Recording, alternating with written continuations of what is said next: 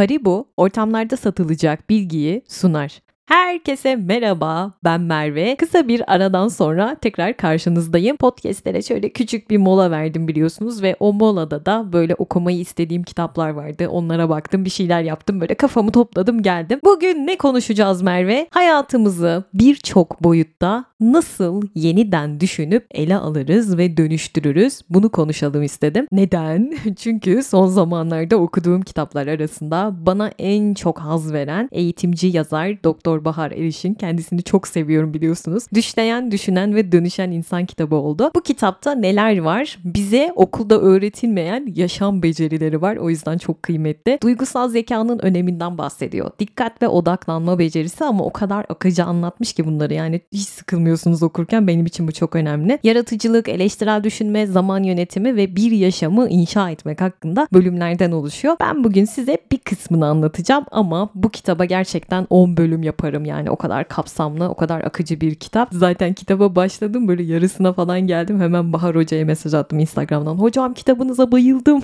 Podcast'ini yapmak istiyorum dedim. O da çok sevindi. Şimdi ben bu kitabı niye sevdim arkadaşlar? Çünkü makalelerle, kaynakçalarla desteklenen kitapları çok seviyorum ve dili de çok yalın. Bir sürü yeni bilgi öğrendim. O yüzden çok hoşuma gitti ve altını çizmediğim yer kalmadı.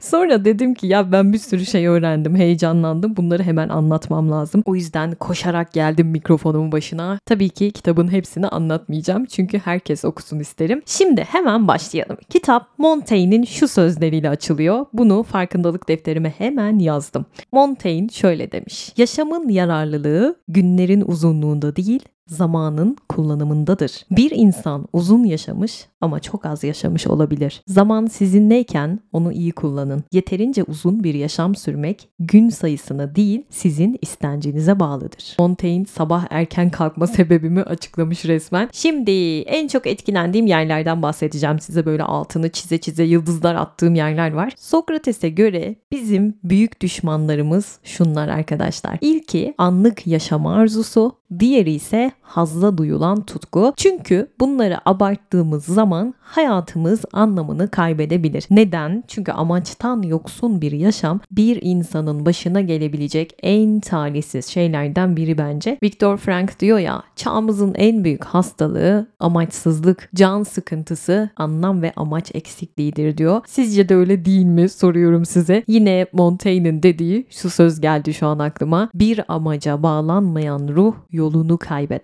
Bu sözü çok severim. Çünkü her yerde olmak hiçbir yerde olmamaktır. Bahar Hoca diyor ki yaşamınızın sonlarına doğru yaklaştığınızda şöyle bir geriye dönüp baktığınız zaman vaktinizin çoğunu sosyal medyada kedi videosu izleyerek, beş farklı açıdan selfie çekerek, başkalarının çoğunlukla gerçeği yansıtmayan hayatlarına bakıp hayıflanarak böyle geçirmiş olmayı ister miydiniz o hayatı diye soruyor. Gerçekten tokat etkisi. Ya düşünsenize 80 yaşına gelmişsiniz. Şöyle bir arkanıza geçmişe dönüp bakıyorsunuz ve karşılaştığınız manzara bu. E insan kahrolur ya. Ben ne yaptım diye diye kahrolur. Amaçsız bir yaşam evet potansiyelimizi gerçekleştirmeye engel oluyor. Ama bunun dışında çok büyük negatif etkileri de var. Zihinsel ve fiziksel sağlığımıza da zarar veriyor. Araştırmalar bunu gösteriyor. Hayatta bir amaç sahibi olmanın ömrü uzattığını biliyor muydunuz? Eğer hayatta bir amacınız varsa hem ömrünüz uzuyor hem de ileriki yaşlarınızda bilişsel gerilemeye karşı bir koruma kalkanınız oluyor amaç sahibi insanların. Hem de kalp sorunlarınız azalıyor, felç riskiniz azalıyor ve uyku bozukluklarınız da azalıyormuş. Bunların hepsi amaç sahibi olmaktan geçiyor. Sokrates'e göre ikinci içsel tehdit ise şu başarı tutkusu, zengin olma ve yüksek statü kaygısı gibi konular. Bunlar çok tehlikeli. Neden? Çünkü böyle bir yaşam yani işte sadece zengin olmaya odaklanmışız. Yüksek statü kaygımız var ve başarı için koşuyoruz böyle sürekli. Ne olacak sonunda? Ben kimim ya? Ben hayattan ne istiyorum? Bunlardan uzaklaşmış olacağız değil mi bu sorulardan? Bir de şu var. Yaşamımızı böyle üst üste tuğlalar koya koya inşa ediyoruz bence. Ve her bir tuğla bizim becerilerimiz, deneyimlerimiz. Ama insan en sonunda inşa etmiş olduğu bu binadan memnun da olmayabilir. Ne yapacağız o zaman? İte kaka devam mı etmemiz gerekiyor? Alın Baju bu konu için diyor ki inşa ettiklerinizden vazgeçmeyi bilmeniz gerekir. Çünkü başka bir şey sizi gerçek yaşama çağırmaktadır diyor. Evet bazen inşa ettiklerimizden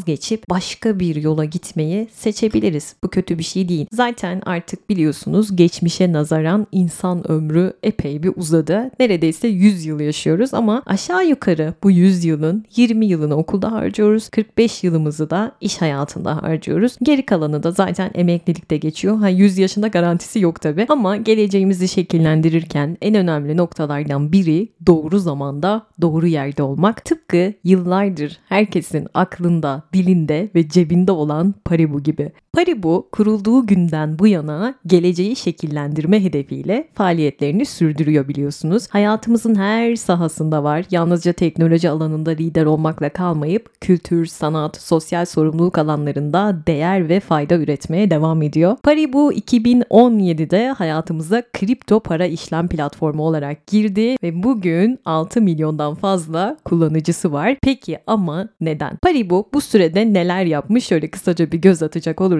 Paribu Hub mesela 2021'den bu yana geleceğin teknolojileri üzerine 16 eğitim gerçekleştirdi. Bunları daha önce size tanıtmıştım. Bu eğitimler 4000'den fazla kişiye erişti. Bu kısım gençler için bence çok önemli. 2019'da kurulan Pariblog ise doğru bilginin kaynağı olma rolünü üstlenerek güncel haberleri, sektöre dair gelişmelerin ve terminoloji üzerine içeriklerin yer aldığı bir platform. Pariblog'un içerikleri 8 milyondan fazla kişiye erişti. Hatta Paribu Reads çatısı altında şimdiye kadar sponsorluğunu üstlendiği kitaplar binlerce kişiye ulaştı. Bitcoin dünyasına da 2020'de Paribu ile adım attık çoğumuz. Neden? Çünkü 7-24 hizmet veren ilk kripto para işlem platformu Paribu. Hem altyapısı hızlı hem arayüzü çok kullanışlı. Bitcoin nedir podcastimi de öneririm yeri gelmişken. Onu da yine Paribu sponsorluğunda yapmıştık. Yine Paribu'nun yapmış olduğu en kıymetli işlerden biri bence 6 Şubat depreminin yıl dönümü biliyorsunuz yarın. E, deprem zamanında blok zincir teknolojisi imkanlarını kullanarak Paribu bölgede faaliyet gösteren sivil toplum kuruluşlarına destek olmuştu. E, Paribu afet destek sayfasından Paribu anında sınırlar ötesi bağış imkanı sağlamıştı hatırlarsanız. Bugüne kadar Sen de Gel Derneği işbirliğiyle Afrika'da 12 su kuyusu açarak 6000'den fazla kişiye temiz su imkanı sağladı. Bunlar çok kıymetli işler gerçekten.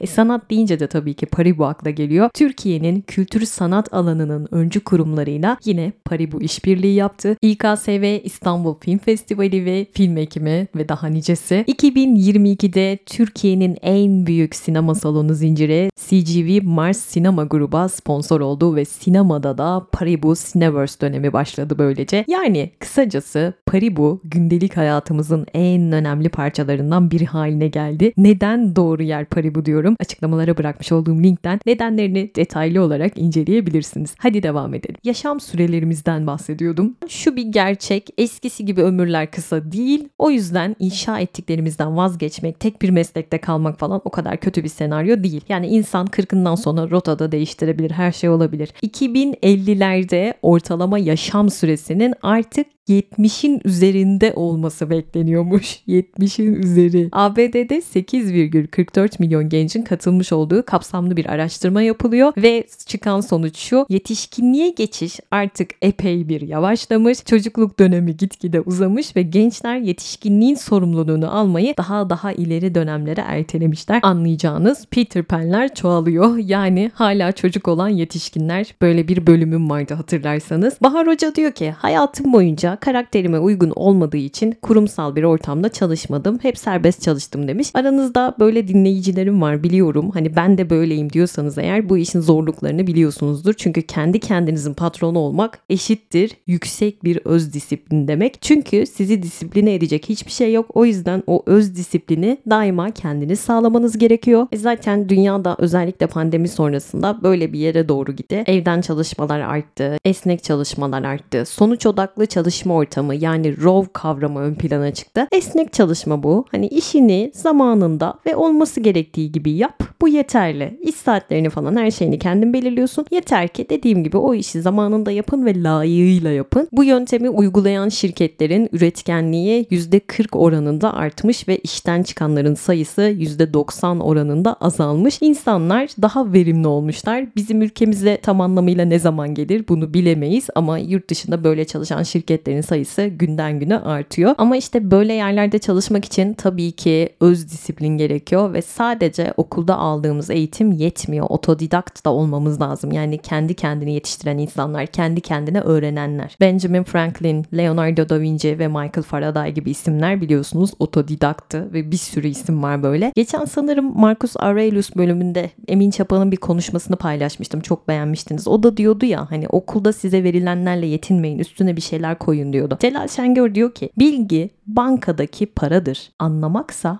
o parayı kullanmaktır. Biz o parayı kullanabiliyor muyuz? Önemli olan bu. Bir mimar demişti ki ben çok iyi bir okulda okumadım. Hani mimarlık eğitimini çok iyi bir okulda almadım ama okula başlar başlamaz bu alanda çalışmaya başladım. İşte stajlar yapmış, firmalarda çalışmış öğrencilik zamanında. Yani o iş için ne gerekiyorsa kendine adamış ve kendini donatmış o 4 sene boyunca eğitim aldığı dönem ve mezun olduktan sonra da çok iyi bir yere işe alınmış. Çünkü deneyimle 4 sene boyunca kendini zaten eğitmiş ve çok çok çok daha iyi okullardan mezun olan arkadaşları ondan yardım istemişler. Çünkü bilgi var. Evet çok iyi bilgi almışlar. Çok iyi bir okulda okumuşlar ama ne yok? Uygulama yok. Sadece bilgide kalmış öğrendikleri şeyler. İşin uygulama kısmında böyle bir dökülmüşler yani. O yüzden eğer öğrenciyseniz ve beni dinliyorsanız lütfen bunu dikkate alın. Mimarlık demişken Anthony Gaudi benim en sevdiğim mimardır kendisi. Kanalımda bölümü var. Hatırlarsanız o da sadece e, kendisine verilen eğitimle yetinmemişti değil mi? Onun dışında da bir arayışları var vardı. O yüzden diploma notumuz ya da okulu derecelerle bitirmemizin bazen gerçekten pek bir önemi olmuyor. Önemli olan bizim o bilgilerle ne yaptığımız, onları nasıl bir dolaşıma soktuğumuz. O bilgiyi hayatın içinde kullanabiliyor muyuz? Meslek hayatımızda olacaksa kullanabiliyor muyuz? Atatürk mesela bölüm birincisi mi zannediyorsunuz? Hayır değil. Bölüm sekizincisidir Atatürk. 459 öğrencinin arasında sekizinci olmuştur ama Atatürk. Ve Atatürk o kitabı okumasaydı diye bir bölüm yapmıştım size. Kafasındakileri fikirleri nasıl cephede uygulamaya koyduğunu anlatmıştım. Savaşı bu şekilde nasıl kazandığını anlatmıştım. Olay bu arkadaşlar. Yani demem o ki o diplomalarımıza güvenme devri günden güne geçiyor. Hani ben şimdi üniversitede okusam hani birinci olayım, plaket alayım bilmem ne herhalde kasmazdım kendimi bu kadar. Kendimi daha fazla donatırdım. Ne bileyim giderdim ikinci bir dil, üçüncü bir dil öğrenmeye çalışırdım falan. Başka şeyler yapardım. Çünkü dediğim gibi bu devirde artık diplomanın çok bir önemi yok gibi görünüyor. Google bile artık not ortalamasıymış,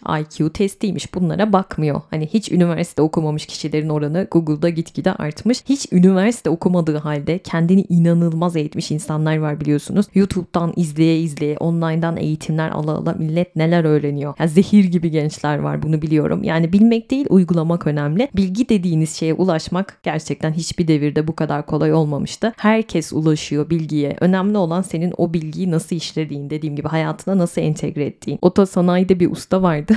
Adam çocukluktan başlamış bu işleri yapmaya ve neredeyse hani 40 yıllık ustadır. Artık arabaları böyle nasıl iyi çıkarıyorsa Almanya'dan ulaşmışlar bilgi alabilmek için. Mühendisler arıyor düşünün öyle bir insan. Kendi kendine eğitmiş. Hiç kimse ona bir şey öğretmemiş. Kendi öğrenmiş. E, hani mantarlar bölümünde kendi kendini yetiştirmiş bir mikologdan bahsetmiştim size. O adamdan da profesörler bilgi almaya çalışıyordu. Çünkü çoğunun sahada böyle birebir mantar bilgisi yok. Hani varsa da sınırlı. Ama o adam hep sahada mesela uygulamada kalmış sürekli. Hani kısacası asıl önemli olan ne bildiğimiz değil, bildiklerimizle ne yapabildiğimiz. Kaldı ki ülkede üniversite eğitiminin kalitesi malumunuz belli başlı okullar dışında tabii. Hani mezun olunca ben 10 numara 5 yıldız bir eğitimle mezun olacağım Merve diyorsanız okey. Peki bu çağda hangi beceriler ön plana çıkıyor? Harari'ye göre bu devirde en gerekli 4 beceri bunlara 4C diyor. Eleştirel düşünme, iletişim, işbirliği ve yaratıcılık. Bunlara öğrenme yetkinlikleri deniyor arkadaşlar ama hepsinden önemlisi değişimle başa çıkabilmek, yeni şeyler öğrenebilmek ve alışılmışın dışındaki durumlarda akli dengemizi koruma becerimiz. Yani kendimizi tekrar tekrar yeniden inşa etmemiz gerekecek. Nietzsche çiçeğimin dediği gibi ama önce sen kendini inşa etmelisin. Dimdik bir beden ve dimdik bir ruhla. Ve diyor ki derisini değiştirmeyen yılan ölmeye mahkumdur. Peki becerilerimizi nasıl geliştiririz? Zaten bu kitabın amacı da bunları anlatmak. E Merve benim artık yaşım geçti. Ne yaşam becerisi geliştirmesi diyorsanız hayır geç kaldığınızı düşünmeyin. Yazar David Epstein bu konuda diyor ki kendinizi olmadığınız genç insanlarla değil dünkü sizle kıyaslayın kendinizi dünkü sizle kıyaslayın. Herkesin gelişim hızı farklıdır. O yüzden başkalarının size geri kaldığınızı düşündürmesine izin vermeyin. Kendi kişisel yolculuğunuza ve projelerinize Michelangelo'nun bir mermer bloğa yaklaştığı gibi mesafe kat ettikçe öğrenip kendinizi ayarlayarak ve hatta önceki hedeften vazgeçip gerek duyduğunuz takdirde tamamen yönünüzü değiştirerek yaklaşın. Bir çalışma alanından ya da sektörden tümüyle ayrılıp başka bir alana geçtiğinizde bile eski deneyimleriniz boşa gitmez demiş. Kendinizi yeniden yeniden inşa etmek, öğrenmeye kesintisiz devam etmek, bunun için sürekli çabalamak. Bütün bu çabanın ne anlamı var diye soranlara Sisyphos efsanesini hatırlatmış Bahar Hoca. Sisyphos efsanesi beni çok etkiler. Hikaye şöyledir. Korint kralı Sisyphos'u tanrılar cezalandırıyor ve onu bir kayayı aralıksız olarak bir dağın zirvesine yuvarlayıp çıkarmaya mahkum ediyorlar. Sisyphos kayayı kan ter içinde tepeye kadar getirdiği anda kaya kendi ağırlığıyla tekrar aşağı düşüyor. Tekrar çıkarıyor, tekrar aşağı düşüyor. Sürekli bir kısır döngü ve Sisyphos kayayı her seferinde tekrar tekrar yukarı taşımak zorunda. Cezası bu. Tanrılar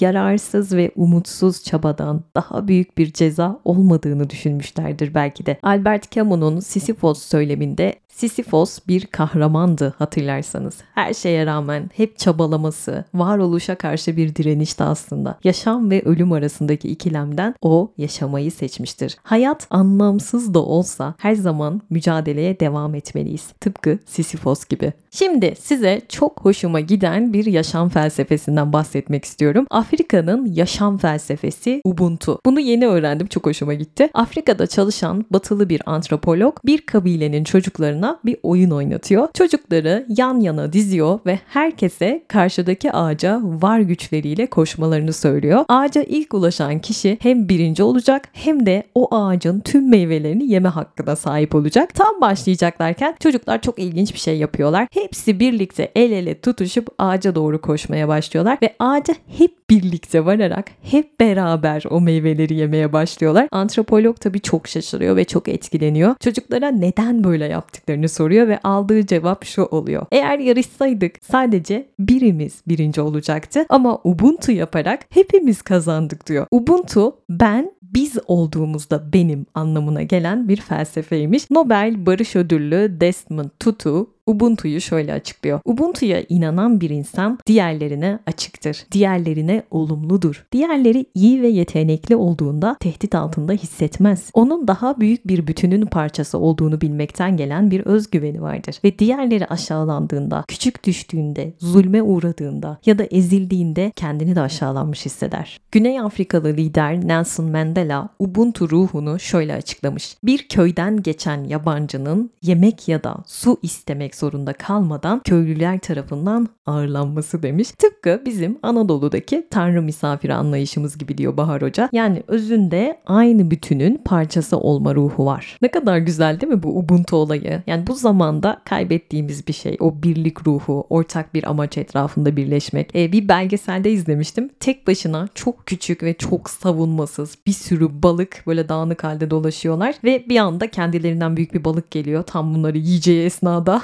tam ağzını açıyor. Bunlar bir anda o küçücük balıklar kocaman bir balık şekline getiriyorlar kendilerini. Bir sürü halinde ama balık şeklinde ve o büyük balık onları yiyecek olan balık korkup kaçıyor. Balıklar bile ubuntu yapıyorlar.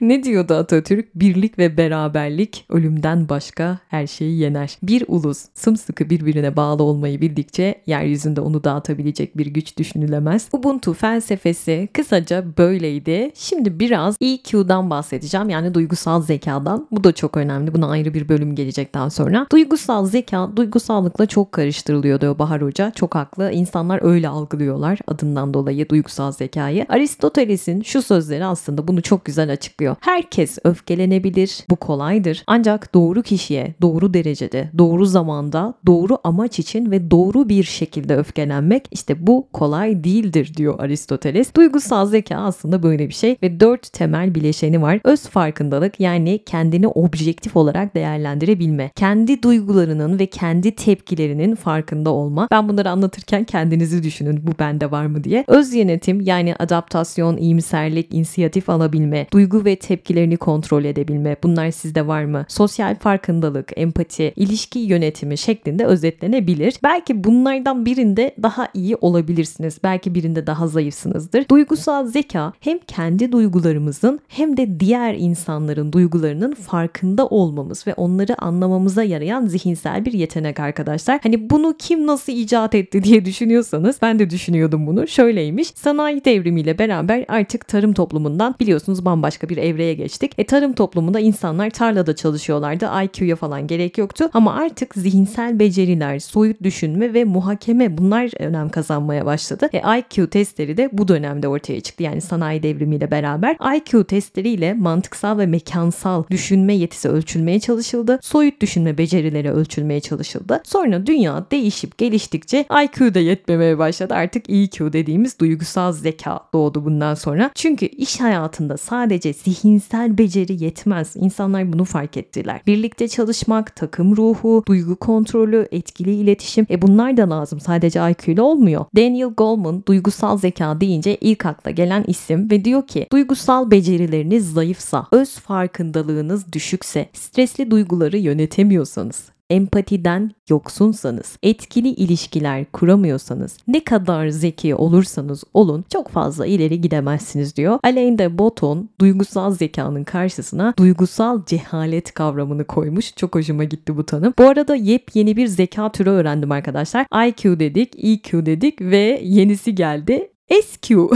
SQ da ruhsal zeka kavramı demekmiş. E, Ken O'Donnell bu kavramın öncülerinden ve diyor ki SQ, IQ ve EQ'nun toplamıdır. SQ'mu nasıl ölçebilirim Merve diyenler şu soruları cevaplayabilir. Karşınızdakinin iyiliğiyle ne kadar samimi bir şekilde ilgileniyorsunuz? Başkalarıyla ne kadar temiz bir oyun oynuyorsunuz? Başkalarının insanlık onuruna ne kadar saygınız var? Kararların ne kadar makul ve ne kadar mantıklı? Başkalarının kusurlarına karşı erdemlerini görmekte ne kadar ustasınız? Dış dünyadaki durum ne olursa olsun bilgelik ve şefkatle hareket edebiliyor musunuz? İç huzurunuzu koruyabiliyor musunuz? Bu sorular sizin SQ derecenizi aslında bir nebze gösteriyor. Şimdi duygusal zekaya geri dönecek olursam en önemli değerlerinden biri empati duygusal zekanın. Burada çok hoşuma giden bir örnek vardı empati üzerine. Bahar Hoca'nın New York'ta öğretmenlik yaptığı dönemde yaşamış olduğu bir olay bu. Evan isimli bir öğrencisi var. 4 yaşında ve dürtü kontrolü sorunu var. Babası annesini terk etmiş. E, annesi bekar, hayat mücadelesi veren, çalışan bir kadın ve Evan deyince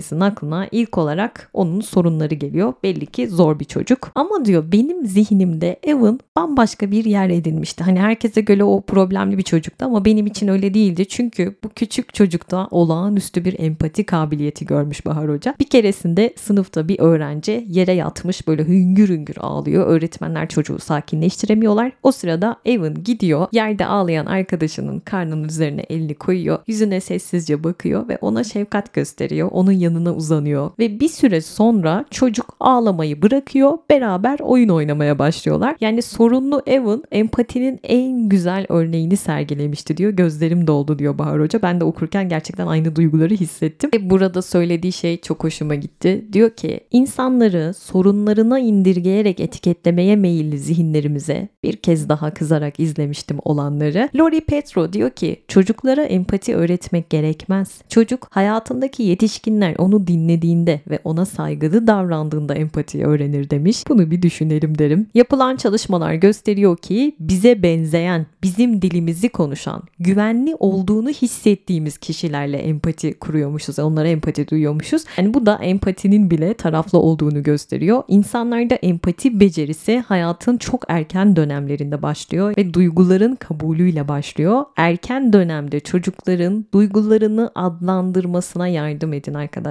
Eğer bir ebeveynseniz hani üzgün hissediyorum, kızgın hissediyorum, neşeli hissediyorum. Onlar tarif edemiyor. Onların duygularına yoldaş olun, adlandırmaya çalışın. Empati duygusunu geliştirmek için bunları yapabilirsiniz. Empati evet bu yüzyılın en önemli becerilerinden ama araştırmalar başkalarını anlamaktan çok kendine odaklı yaşamların bir artışta olduğunu ortaya koyuyor. Narsisizm düzeyi gitgide artıyor biliyorsunuz. Empati gitgide azalıyor. Sosyal medyada gördüğümüz selfie patlaması, empati düşüşü ve narsisizmin yükselişiyle bağlantılı olabilir. Bu Jung Chul Han selfie bağımlılığının kendini sevmekle pek ilgisi olmadığını söylüyor. Daha ziyade yalnızlaşmış narsist benliğin boşta çalışması olduğunu belirtiyor ve diyor ki selfie'ler boşalmış, güvensizleşmiş bir benliğin güzel, pürüzsüz yüzeyleridir. Bugün insanlar eziyet veren boşluktan kurtulmak için akıllı telefona uzanırlar. Selfie'ler boş kendiliği, kısa süreliğine gizleyen pürüzsüz yüzeylerdir. Yani arkadaşlar bağımlılık boyutuna ulaşmış bir kendiyle ilgilenme hali var ortada diyor Bahar Hoca. Bence çok doğru ve bu düşen empati, pozitif psikolojinin yükseldiği mutluluk takıntılı bu çağda sürekli olumluya vurgu yapmakla ilgili olabilir diyor. Bence burası çok önemli. Duygusal dürüstlük diye bir kavram varmış. Daha önce duydunuz mu? Ben duymadım. Danimarkalı ebeveynler bunun en başarılı temsilcilerindenmiş. Çocuklarına kaygı, mutluluk, can sıkıntısı, acı, üzüntü yani bu tarz duyguların, olumsuz duygular bunlar hayatın normal bir parçası olduğunu göstermeye çalışıyorlarmış. Ve zamanın ebeveynleri biliyorsunuz sürekli bir olumlu duygu pompalamaya çalışıyorlar çocuklarına. Çoğu böyle. Hani onları her türlü kötü duygudan uzak tutmaya çalışıyorlar. Hayatın gerçeklerinden uzaklaştırmaya çalışıyorlar. Üzülmesin diye çocuklar. İşte belki empati de o yüzden düşüyor olabilir. Bahar Hoca diyor ki gurbet ellerde burnunun sürtmesi benim empati empati adına en büyük kazanımlarından biriydi. Burayı da çok sevdim. Böyle hayat hikayelerini seviyorum. Bahar Hoca yurt dışında burslu okuyor ama bursu yetmiyor ve o yüzden pek çok işte çalışmış. Sabahın 5'inde bardaki şişeleri kasalara doldurup depoya kaldırıp ortalığı temizliyordum diyor. Sabahın 7'sinde de okula gittiğim oluyordu diyor. Dünyanın kaç bucak olduğunu ve aslında yaşadığın hayatın ne kadar konforlu olduğunu anlıyorsun ve zor koşullarda çalışan insanlara saygı duyuyorsun diyor. Bence çok haklı. Ben de üniversite üniversite zamanında bir arkadaşımın iş görüşmesine yanında gitmiştim. Çok ünlü ve yoğun bir mağaza personel arıyordu ve görüştüğümüz kişi normalde arkadaşım iş görüşmesindeydi. Bana dedi ki sizi de alalım. İşte onu başka bir mağazaya verdiler. Beni oraya verdiler. Hiç aklımda yokken kendimi bir anda orada çalışıyor buldum ve bayram zamanıydı. E, babam da hani SSK girişin olsun gir dedi bana. Ağlayarak eve geldim ya. Gerçekten o ayaklarımın ağrısını size anlatamam. Oturmak yasaktı mahvoldum. Ama bırakamıyorum da hani başladığım işi bitireceğim vereceğim ya. Ve bir de bana güvenip hani işe almışlar yarı yolda bırakamam falan diyorum. Bir de sanırsınız ki o mağaza benim yani öyle sıkı çalışıyorum.